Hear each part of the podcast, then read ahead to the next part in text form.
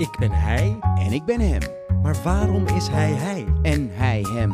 In ons derde seizoen gaan we weer in gesprek met mensen uit ons regenboogalfabet. En we willen weten wat hij hem, Zij haar, hen hun. maar vooral wat ons ons maakt. Ik ben Danny En ik ben Barry. en dit is Gewoon Homo, de podcast.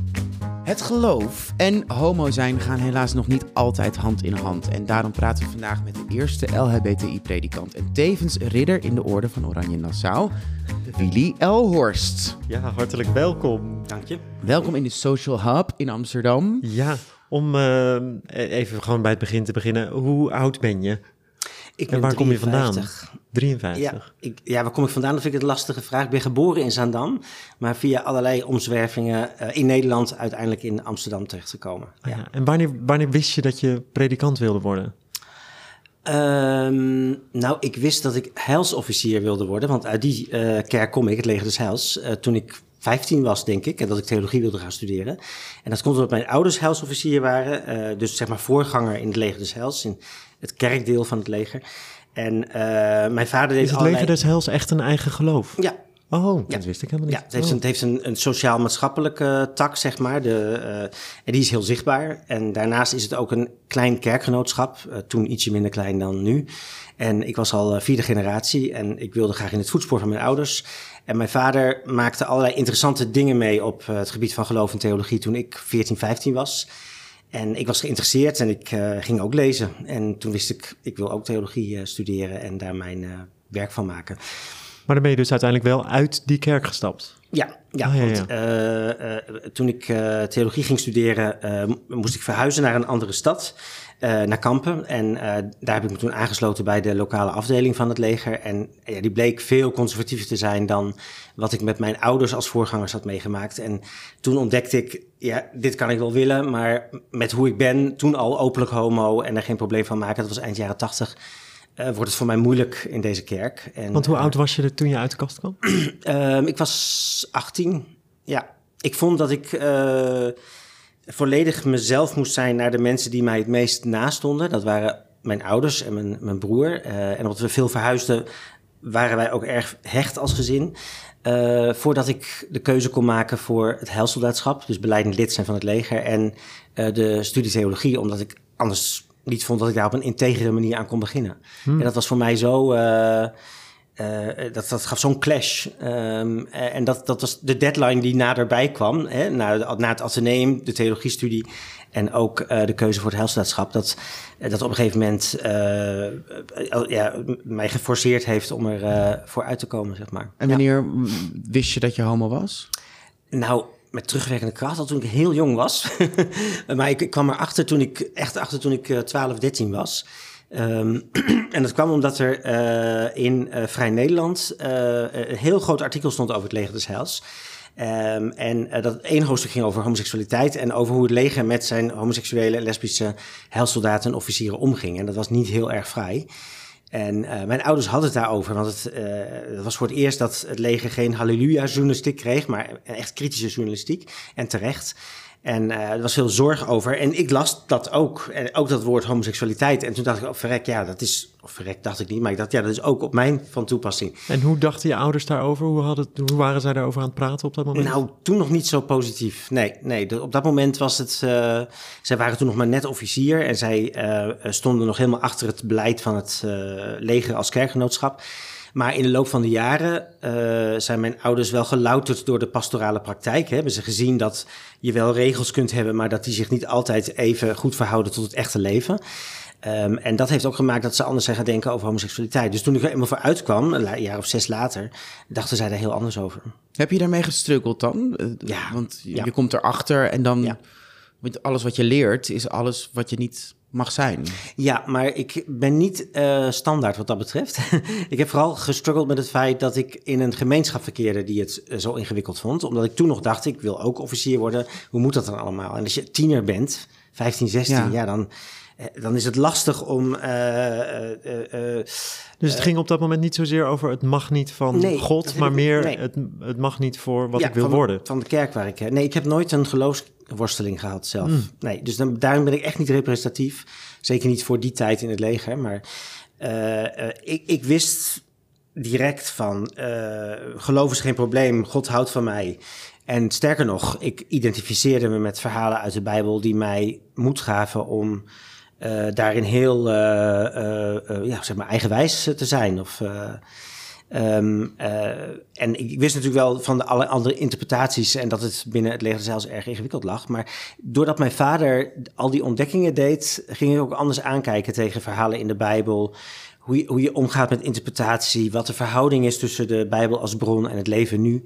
En dat, dat heeft mij op jonge leeftijd uh, al geholpen om er anders in te staan. En wat is er dan precies in de Bijbel? Ik ben niet gelovig opgevoed, enigszins, maar wat staat er precies in de Bijbel dat mensen kunnen interpreteren dat je niet homo zou kunnen zijn, mogen zijn, kunnen praktiseren? Mm -hmm. Uh, nee, de Bijbel kent zes struikelteksten, zoals dat heet. Uh, en dat, die zes teksten gaan uh, expliciet over seks tussen mannen. Ik geloof mm -hmm. dat er één van die zes over seks tussen vrouwen gaat. Ehm, maar er wordt eigenlijk niet zoveel over gezegd in de Bijbel. Maar die zes wel, en dat zijn er drie in het Oude en drie in het Nieuwe Testament. Of vier in het Oude en twee in het Nieuwe, dat weet ik niet precies. Maar, um, en daar wordt letterlijk gezegd: als je als man slaapt uh, met een man zoals je dat met een vrouw zal doen, moet je worden gestenigd. He, dus, de, uh, dus, dus het oordeel over seks tussen mannen, ik zeg het met expliciet, expliciet zo, uh, is helder in die teksten. Um, maar um, ik heb je hebt leert natuurlijk ook tijdens de theologiestudie dat je teksten in context moet zien.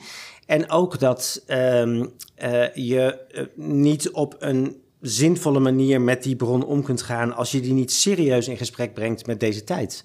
En, en dat is ook echt protestant. Want er staan wel meer dingen in de Bijbel veel meer. over scheiden, ja. over seks voor het huwelijk, over... Ja, en, maar bijvoorbeeld ook over uh, slavernij, ook over hoe de wereld eruit ziet. Hè. De, de, het Bijbelse beeld van de wereld is een plat vlak op palen met water eronder en een blauw uitspansel, omdat er achter dat uitspansel water zit. Ja. Uh, nou, er, er, is geen, misschien een aantal christenen in Amerika, de, die flat earthers. ja. uh, maar er is geen weldenkend christen dat nog denkt, oké, okay, omdat het in de Bijbel zo staat, moet ik geloven dat de wereld er zo uitziet. En ik vind dat je hetzelfde kunt zeggen over de ontwikkelingen op het gebied van de kennis die we hebben over die diversiteit van seksualiteit en identiteit. Ja. En van daaruit mogen we ons verhouden tot wat er in de Bijbel staat. En dan is dat ook nog steeds mijn boek. Ja. En wat zijn die andere, strijk, andere dan? Waarmee kan ik het vergelijken? Um, wat bedoel je met Nou ja, wat is even erg dus? Hè? Dus als je zegt van man en man mogen niet samen mm -hmm. slapen, wat is dan die andere tekst waar het tegenover staat? Is dat... Um, nou, er zijn een aantal teksten die uh, je als uh, homo, maar niet alleen als homo, kunnen helpen om uh, tegen die struikelteksten anders aan te kijken. En, en een daarvan is, dat is mijn lijftekst, uh, dat is uit uh, de brief van Paulus aan de Galaten, hoofdstuk 3, vers 28. en daar staat, um, in de doop van Christus is er man nog vrouw, Griek nog Jood, slaaf nog vrije. Dus dat betekent dat in, als je gedoopt bent in Jezus, dat alle onderscheid tussen mensen wegvalt, dat het niet meer belangrijk is. En wij zijn vergeten dat toen Paulus dat schreef, dat hij daarvoor ter dood veroordeeld kon worden. Want de hele sociale stratificatie van die samenleving zet hij op zijn kop. Niet alleen binnen het Jodendom, maar ook binnen uh, uh, de Griekse cultuur, die toen de dominante cultuur was. Er werd op een heel speciaal, uh, specifieke manier over mannen en vrouwen gedacht. Over het onderscheid tussen Joden en Grieken. En zeker dat je vrije burgers hebt en slaven. En Paulus zegt daarvan, al dat onderscheid valt weg als, hè, voor mensen die gedoopt zijn uh, in de naam van Christus. Hm. Dus dat, dat, is, dat, is, eigenlijk een wortel van ons gelijkwaardigheidsdenken. Ja. Hè? Dat zit er al, zat er al heel vroeg in. Maar waarom en, wordt die dan niet nou, onthouden door iedereen? Ja. waarom staat nou, dat niet op vlaggen? En, uh... ja, om, omdat christenen in de loop van de eeuwen net mensen zijn geweest... en weer in de oude valkuilen zijn getrapt. Hè? Toch dat onderscheid te maken. En, uh, en soms ook omdat het uh, hem beter uitkwam uit opportunisme. Omdat je er geld mee kon verdienen. En, het is wel grappig, ik zit nu in een voorstelling... en mijn personage zegt in de voorstelling op een gegeven moment tegen de kids uit de buurt... je kan niet zelf kiezen welke stukjes je gelooft uit de Bijbel. En dat is natuurlijk ook mm. een beetje wat er dus gebeurd is natuurlijk. Ja. Dat mensen gewoon denken, oké, okay, die geloof ik wel, maar ja. ja het feit dat uh, ik gescheiden ben of uh, het feit dat uh, ik wel mm. seks heb gehad voor het huwelijk, nee, dat is niet erg. Maar dat jij homo bent, dat is wel erg. Want... Ja, nou ja, goed, ja, het gaat er niet zozeer om, want dat zou het veronderstellen dat ik ook iets kies, zomaar zeggen, namelijk dat, mm. de, hè, dat, vers, dat vers uit de gelaten. Het gaat erom of je in staat bent met een beetje vermogen tot onderscheid te zien, wat is nou eigenlijk de basis? Hm. En ik, ik geloof niet dat de, het christelijk geloof een ethiek kent die iets zegt over eh, seksualiteit of over relaties tussen mensen. De, de, ba- de basis is zo'n tekst als uit Galaten, waarin wordt gezegd: wij zijn echt principieel gelijkwaardige mensen. En eh, van daaruit denken we over de dingen. En eh, eh, de, de protestantisme kent ook geen handboek seksuele moraal dat je uit de kast kunt pakken, waar precies in staat, eh, omdat de, de Bijbel dit zegt, moeten we zo handelen. Hè? Het is ook de bedoeling dat dat in ontwikkeling blijft en dat elke nieuwe tijd weer vraagt van oké, ehm, we komen deze en deze dingen tegen, wat, wat vraagt dat van ons als, als christenen? En wat ik leuk vind in het Nieuwe Testament, hè, dus als, als Jezus is geweest en hij is inmiddels niet meer en de apostelen gaan aan de slag, zie je de eerste tekenen daar al van. Dan komen ze samen in synodes, in vergaderingen en dan vragen ze zich bijvoorbeeld af van, hoe moet, wat moet dat nou met het offervlees van, van de heidenen? Mogen we dat nou wel of niet eten? En dan komt er geen regel, maar dan komt er een, een, een afspraak over hoe ze daar met elkaar mee om zullen gaan. En dan is de, de uitspraak van, je mag het eten, want het maakt niet meer uit als je gedoopt bent in Christus. Maar als een andere christen dat nou lastig vindt, dat je dat voor zijn neus doet, ha- hou er dan een beetje rekening mee. En Ja, ja. dat is het. Dat is christelijke moraal. Maar en, en hoe was het dan toen je, want je hebt theologie gestudeerd, hoe was het daar in Kampen? Ehm, ja, iedereen heeft bij Kamp een beetje het staphorstgevoel. en dat klopt voor een deel ook wel, maar voor... voor ja, het is de- een heel leuk theaterkampen, ze zijn heel lief. Ja. ja. ja, nee, ik heb daar een heel leuk studentenleven gehad eh, toen het er nog was. In Kampen? Ja, ja, de, ja de, de kampen telde toen iets van 28.000 inwoners, waarvan er ongeveer anderhalfduizend studenten waren. Oh, Dus je had een, je had een klein studentencircuit met, een, met, met cafés en een bioscoop en, eh nou, enzovoort. allemaal theologen. Nee, theolo eh, theologen, Ja, ik kunstacademie. zie als dat nu alleen maar theologie daar, maar dat is... Nee, stel je voor. Nee, was maar waar, ja. nee, wij waren met 450 eh, theologen toen, studenten. En de rest was kunstacademie, theaterschool, nog wat studenten journalistiek. En dat was ook een hele leuke, hele leuke combinatie van type studenten. Maar, was er binnen de theologie eh, geen eh, weerstand tegen het feit dat jij homoseksueel was? Nee, nee. Oh, nee want ik, ik heb juist voor kampen gekozen omdat ik wist dat dat toen al eh, een, een, een, een, was een, een universiteit verbonden aan de gereformeerde kerken. Dat men daar heel open dacht over homoseksualiteit. We hadden homoseksuele docenten. Het is wel zo, toen we vanuit het studentenpastoraat besloten om een homokring op te richten, ik en een studiegenoot of een jaargenoot, waren er wel een aantal studenten die wat conservatiever waren, die, eh, eh, die daar moeite mee hadden. En, die, en, en waar we dan indirect van hoorden. Maar wel, over welke jaren hebben we het nu dat je daar studeerde? Ehm, wij, ik ben begonnen met die homokring, zoals we dat noemden, in 1989. Nou, ik, ik, ik moet zeggen dat ik een beetje met mijn oren sta te klapperen dat Dat het überhaupt was. wel, nou ja, dat je dus daar hebt kunnen studeren zonder dat er moeilijk over werd gedaan. Dat had ik eigenlijk niet verwacht, moet ik zeggen. Nee, ja, nee, maar ja, je, Misschien weer mijn vooroordeel naar de kerk. Dat Het is wel kan. een beetje een cliché, ja. Ja. ja. En is er binnen die, want je, binnen theologie krijg je verschillende geloven, denk ik, op je af. Mm, ja en nee, ja. ja. Want in de Koran en in de eh, Torah, hoe wordt daarover gedacht? Is, dat, Eh, is het allemaal hetzelfde idee? Zijn ze allemaal even gesloten als open naar homoseksualiteit? Nou nee, ja, ja, ik- ik studeerde christelijke theologie en alleen in het vak godsdienstwetenschap kwamen er ook andere eh, eh, godsdiensten voorbij. En daarin hebben we het nooit zozeer gehad over homoseksualiteit. Maar we weten natuurlijk uit de grote eh, tradities, hè, de Abrahamitische religies, dat eh, homoseksualiteit altijd problematisch is geweest. Maar dat als je precies kijkt naar de, de teksten uit de bronnen, dat die niet per se eh, aanleiding geven tot de, eh, de, de, de, de, de aanwijzingen of de regels die zijn eh, ontstaan. En zelfs niet in de Koran. nou, die struikelteksten die ik net noemde uit ons Oude Testament, dat is natuurlijk de Torah. Ja.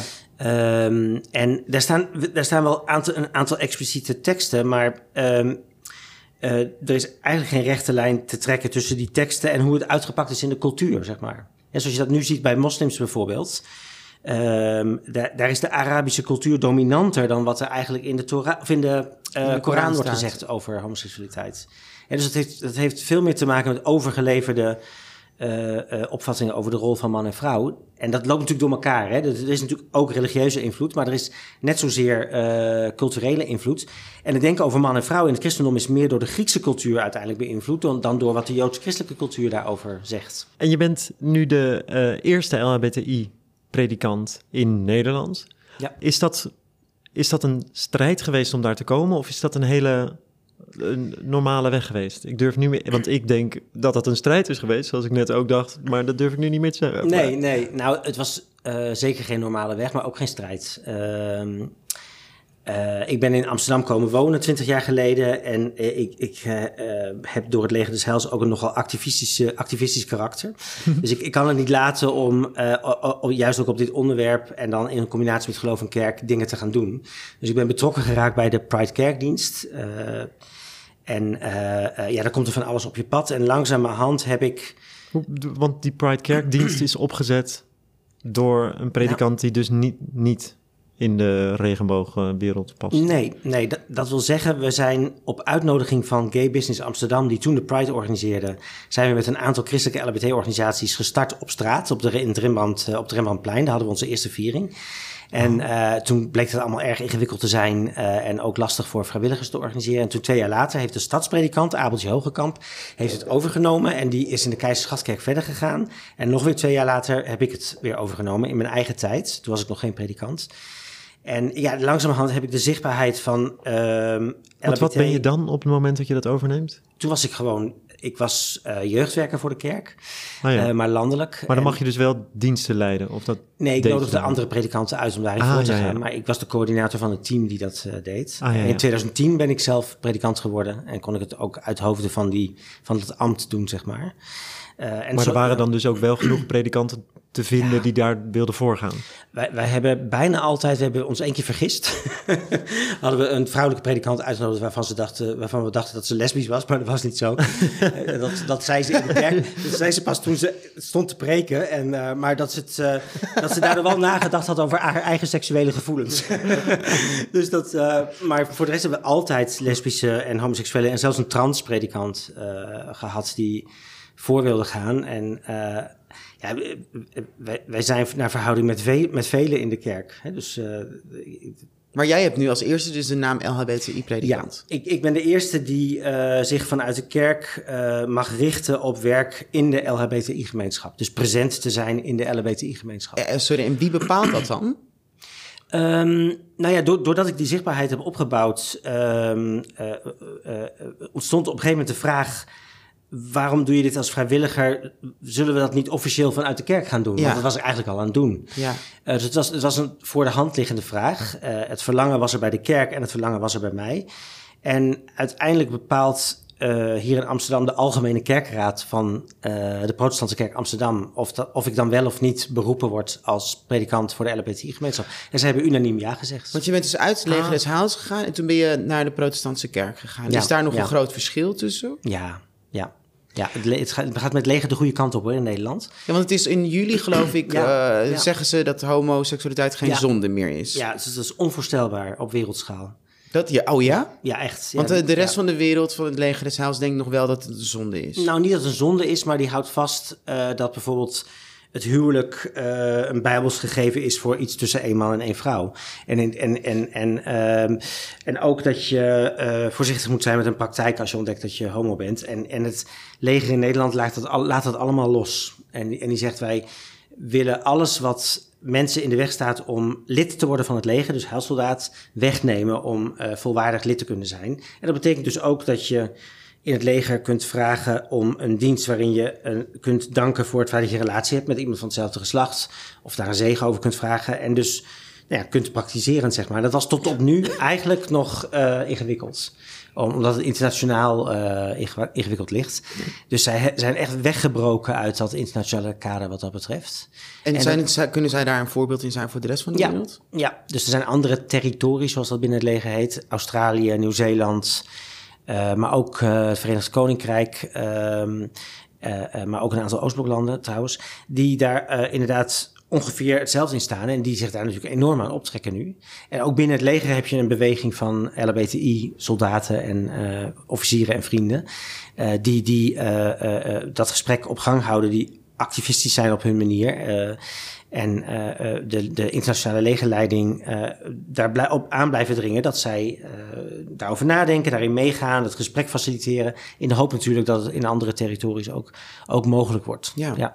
Maar en hoe is het voor jou om, want je bent dan dus predikant binnen het geloof, binnen jouw geloof.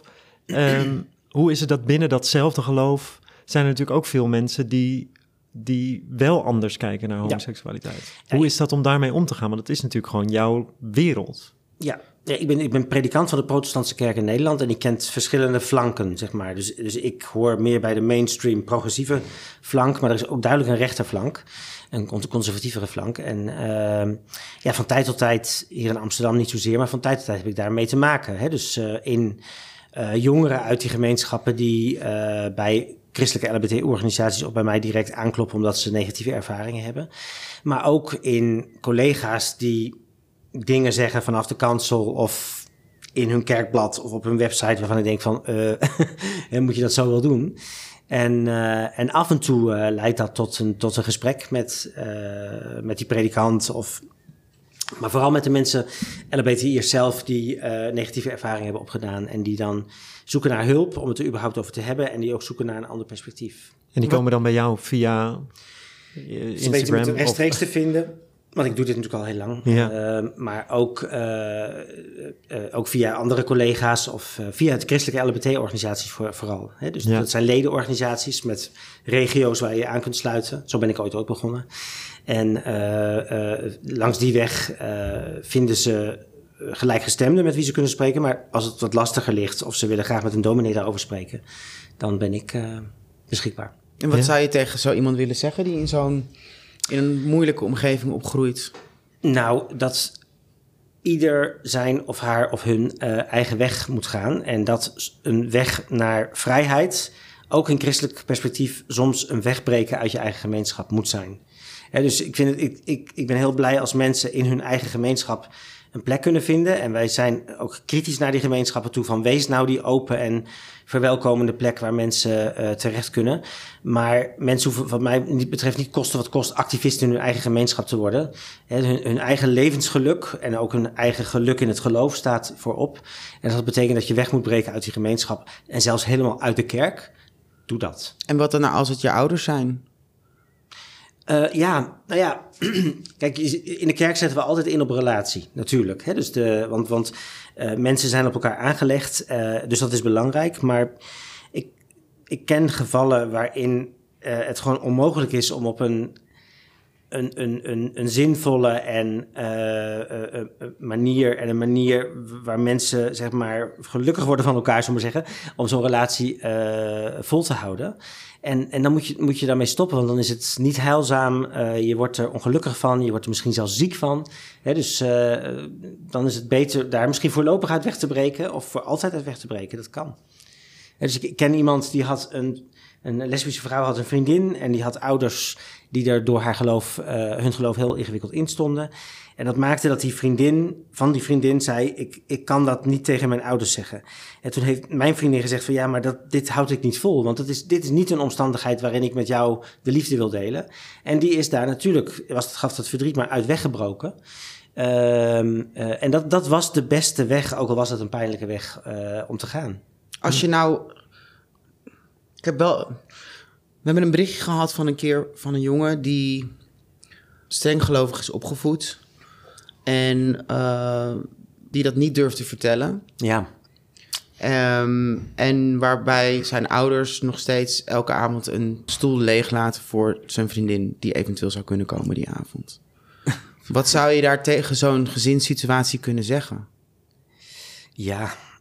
Ik vond dat zo schrijnend, ja, omdat wij, ja. wij hebben een totaal andere leefwereld. En ik weet, ik zou het ook niet weten, want mm. het is kiezen tussen afscheid nemen van je ouders, -hmm.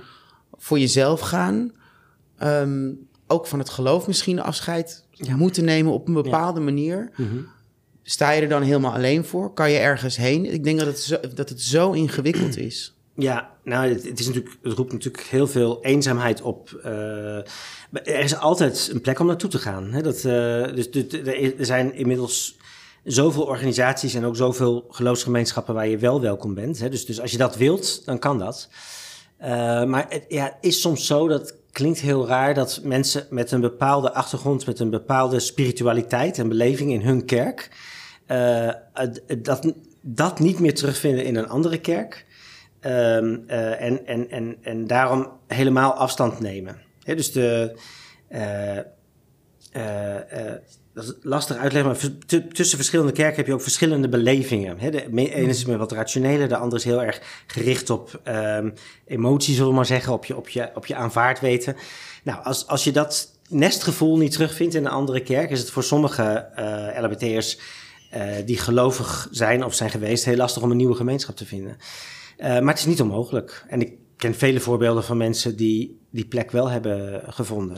Maar dat lijkt me dus wel. eh, dat lijkt me zo gewik- ingewikkeld aan het feit. eh, als je gelooft dat er zoveel plekken zijn van hetzelfde geloof. Mhm. die zo kwetsend kunnen zijn voor wie je bent. Ja, ja, het- Dat ja, lijkt me een ja. hele ingewikkelde. Ja, nou dat deugt natuurlijk voor geen meter.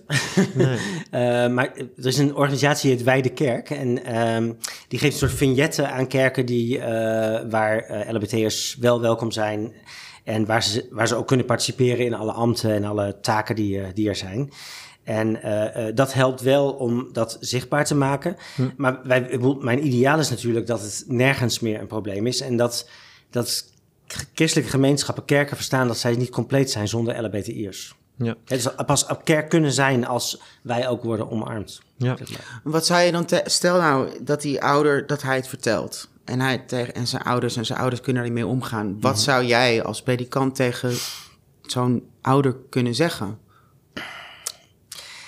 Ja, dat de eh, ouderlijke relatie, eh, waarin ze zorg en verantwoordelijkheid hebben voor hun kind.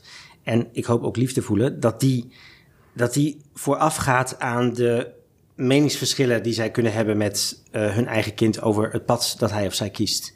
Dus de, de, de, de ouderlijke verantwoordelijkheid die je hebt eh, totdat een kind volwassen is, die gaat voorop. En, en, en eh, zeker in de protestantse kerk, daarin word je ook verondersteld verschillende opvattingen te kunnen hebben. Dus de, er is niet één opvatting over eh, seksualiteit en ook niet over homoseksualiteit. En als je echt protestants bent, dan accepteer je dat, respecteer je dat van elkaar en, en kun je toch nog samen zijn, zeg maar.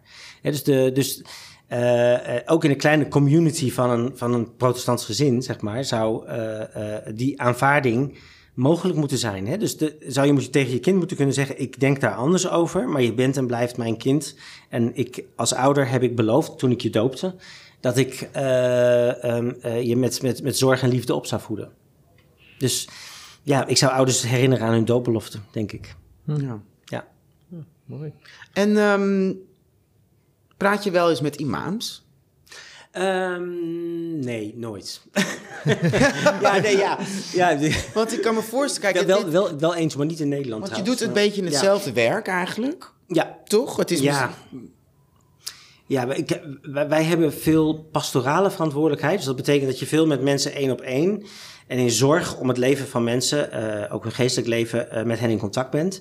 En dat hebben imams niet zozeer.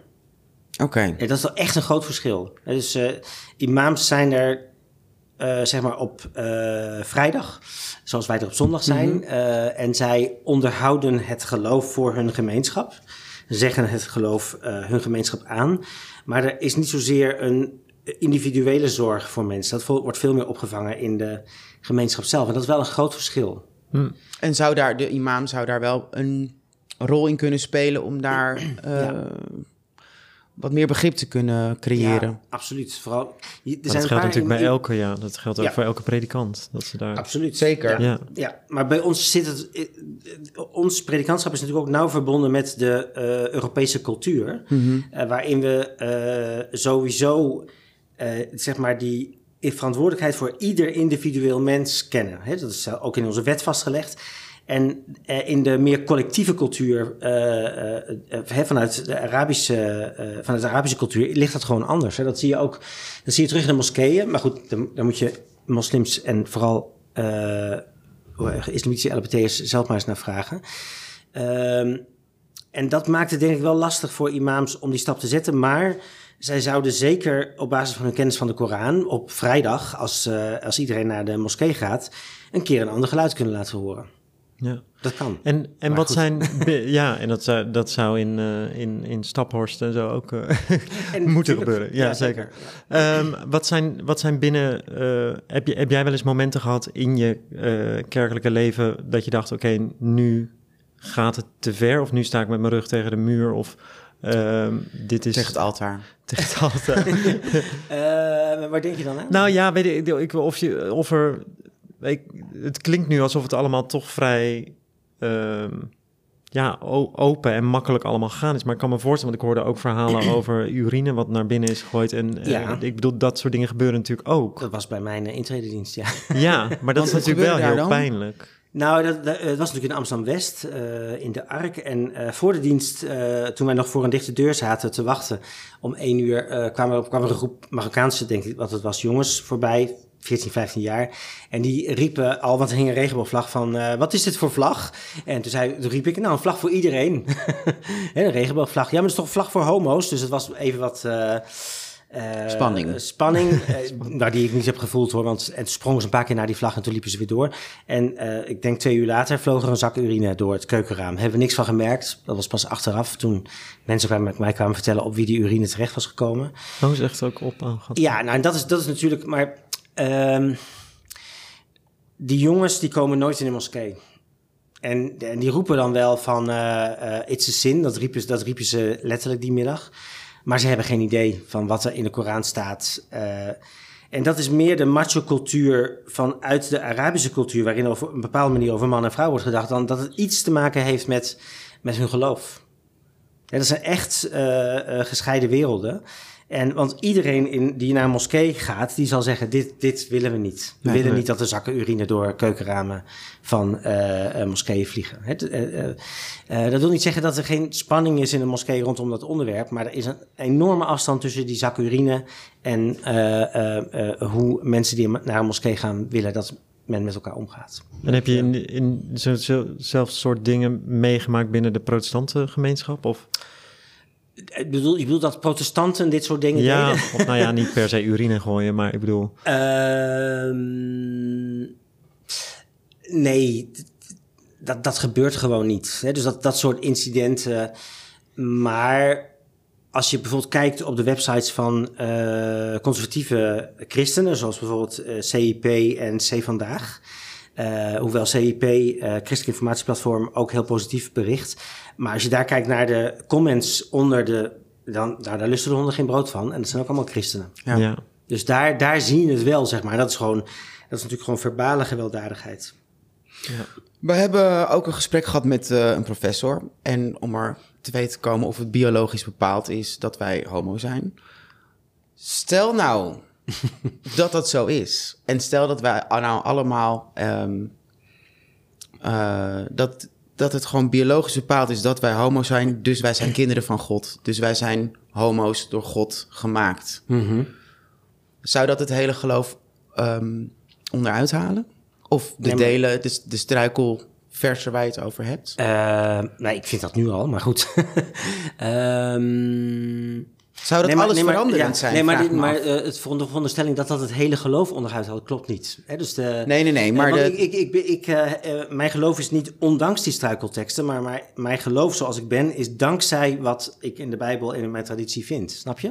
Maar volgens mij bedoel jij niet zozeer dat het hele geloof dan niet meer bestaat, maar meer dat je. nou, dan, bedoelt, dan zijn we dus het allemaal hetzelfde. Ja. Ja, dus dan, dan, zouden we, dan zijn we allemaal kinderen van God. Ja. Ja, Ja, maar dat geloof ik nu al. Hè, dus op basis van. van eh, Zou het helpen?